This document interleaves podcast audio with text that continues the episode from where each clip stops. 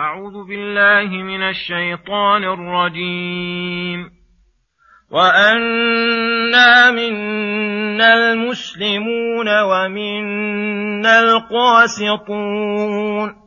فمن أسلم فأولئك تحروا رشدا.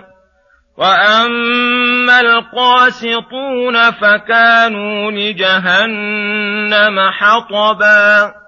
وان لو استقاموا على الطريقة لاسقيناهم ماء غدقا لنفتنهم فيه ومن يعرض عن ذكر ربه يسلك عذابا صعدا وان المساجد لله فلا تدعوا مع الله أحدا وأنه لما قام عبد الله يدعوه كادوا يكونون عليه لبدا قل إنما أدعو ربي ولا أشرك به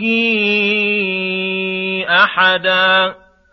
قل اني لا املك لكم ضرا ولا رشدا. قل اني لن يجيرني من الله احد ولن اجد من دونه ملتحدا. إلا بلاغا من الله ورسالاته ومن يعص الله ورسوله فإن له نار جهنم خالدين فيها أبدا. حتى اذا راوا ما يوعدون فسيعلمون من اضعف ناصرا واقل عددا قل إن أدري أقريب ما توعدون أم يجعل له ربي أمدا عالم الغيب فلا يظهر على غيبه أحدا إلا من ارتضى من رسول فإنه يسلك من بين يديه ومن خلفه رصدا ليعلم أن قد أبلغوا رسالات ربهم وأحاط بما لديهم وأحصى كل شيء عددا. بسم الله الرحمن الرحيم. السلام عليكم ورحمة الله وبركاته. يقول الله سبحانه وأنا منا المسلمون ومنا القاسطون فمن أسلم فأولئك تحروا رشدا. أي الج... وأنا منا المسلمون ومنا القاسطون أي الجائرون العادلون عن الصراط المستقيم فمن أسلم فأولئك تحروا رشدا أي أصابوا طريق الرشد الموصل لهم إلى الجنة ونعيمها. وأما القاسطون فكانوا لجهنم حطبا وذلك جزاء على أعمالهم لا ظلم من الله لهم. لا ظلم من الله لهم وأن لو استقاموا على طريقة المثلى لأسقيناهم ماء غدقا. أي هنيئا مريئا ولم يمنعهم من ذلك إلا ظلمهم وعدوانهم. لنفتنهم فيه أي لنختبرهم ونمتحنهم ليظهر الصادق من الكاذب. ومن يعرض عن ذكر ربه يسلكه عذابا صعدا. أي من أعرض عن ذكر الله الذي هو كتاب فلم يتبعه وينقد له بل لها عنه وغفل يسلكه عذابا يسلك عذابا صعدا أي بليغا شديدا. وأن المساجد لله فلا تدعوا مع الله أحدا. أي فلا دعاء عبادة ولا دعاء مسألة. فإن المساجد التي هي أعظم محال للعبادة مبنية على الإخلاص لله والخضوع لعظمته والاستكانة لعزته وأنه لما قام عبد الله يدعوه أي يسأله ويتعبد له ويقرأ القرآن كادوا أي الجن من تكاثرهم عليه يكونون عليه لبدا أي متلبدين متراكمين. حرصا على ما جاء به من الهدى. قل لهم يا أيها الرسول مبين حقيقة ما تدعو إليه. إنما أدعو ربي ولا أشرك به أحدا.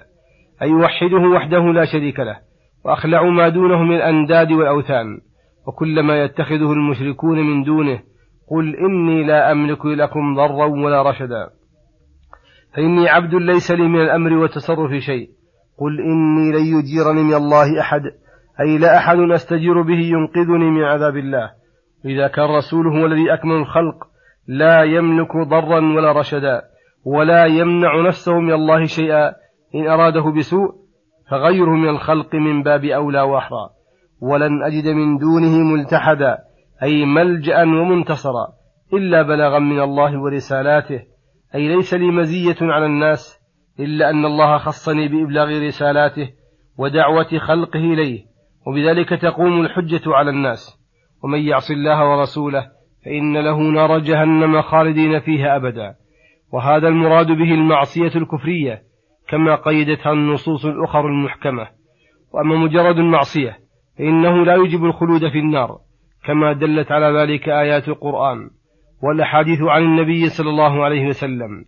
وأجمع عليه سلف الأمة وأئمة هذه الأمة حتى إذا رأوا ما يوعدون أي شاهدوه عيانا وجزموا أنه واقع بهم فسيعلمون في ذلك الوقت حقيقة المعرفة من أضعف ناصرا وأقل عددا حين لا ينصرهم غيرهم ولا أنفسهم ولا أنفسهم ينتصرون وإذ يحشرون فرادى كما خلقوا أول مرة.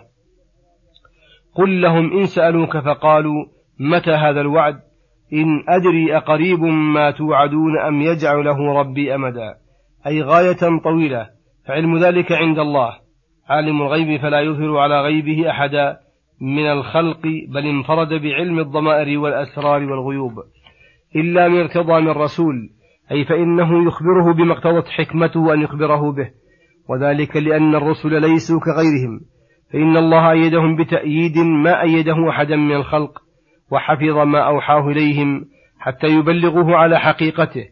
من غير أن تقربه الشياطين فيزيدوا فيه أو ينقصوا فيزيدوا فيه أو ينقصوا ولهذا قال فإنه يسلك من بين يديه من خلفه رصدا أي يحفظونه بأمر الله ليعلم بذلك أن قد أبلغوا رسالات ربهم بما جعله له من أسباب وأحاط بما لديهم أي بما عندهم وما أسروه وما أعلنوه وأحصى كل شيء عددا.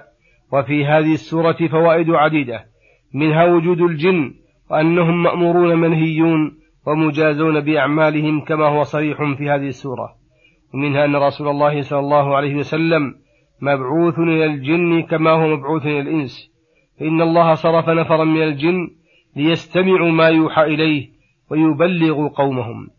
ومنها ذكاء الجن ومعرفتهم بالحق وأن الذي ساقهم إلى الإيمان هو ما تحققوه من هداية القرآن وحسن أدبهم في خطابهم ومنها اعتناء الله برسوله وحفظه لما جاء به فحين ابتدأت بشائر نبوته والسماء محروسة بالنجوم والشياطين قد هربت من أماكنها وأزعجت عن مراصدها وأن الله رحم به أهل الأرض رحمة ما يقدر لها قدر وأراد بهم ربهم رشدا وأراد أن يظهر من دينه وشرعه ومعرفته في الأرض ما تبتهج به القلوب وتفرح به أولو الألباب وتظهر به شعائر الإسلام وينقمع به أهل الأوثان والأصنام. ومنها شدة حرص الجن على استماعهم للرسول صلى الله عليه وسلم وتراكمهم عليه. ومنها أن هذه السورة قد اشتملت على الأمر بالتوحيد والنهي عن الشرك وبينت حالة الخلق وأن كل أحد منهم لا يستحق من العبادة مثقال ذرة. إن الرسول محمد صلى الله عليه وسلم إذا كان لا يملك لأحد نفعا ولا ضرا بل ولا يملك نفسه علم أن الخلق كلهم كذلك. فمن الخطأ والظلم اتخاذ من هذا وصفه إلها آخر. منها أن علوم الغيوب قد انفرد الله بعلمها فلا يعلمها أحد من الخلق إلا من ارتضاه الله واختصه بعلم شيء منها. وصلى الله وسلم على نبينا محمد وعلى آله وصحبه أجمعين. وإلى الحلقة القادمة غدا إن شاء الله. والسلام عليكم ورحمة الله وبركاته.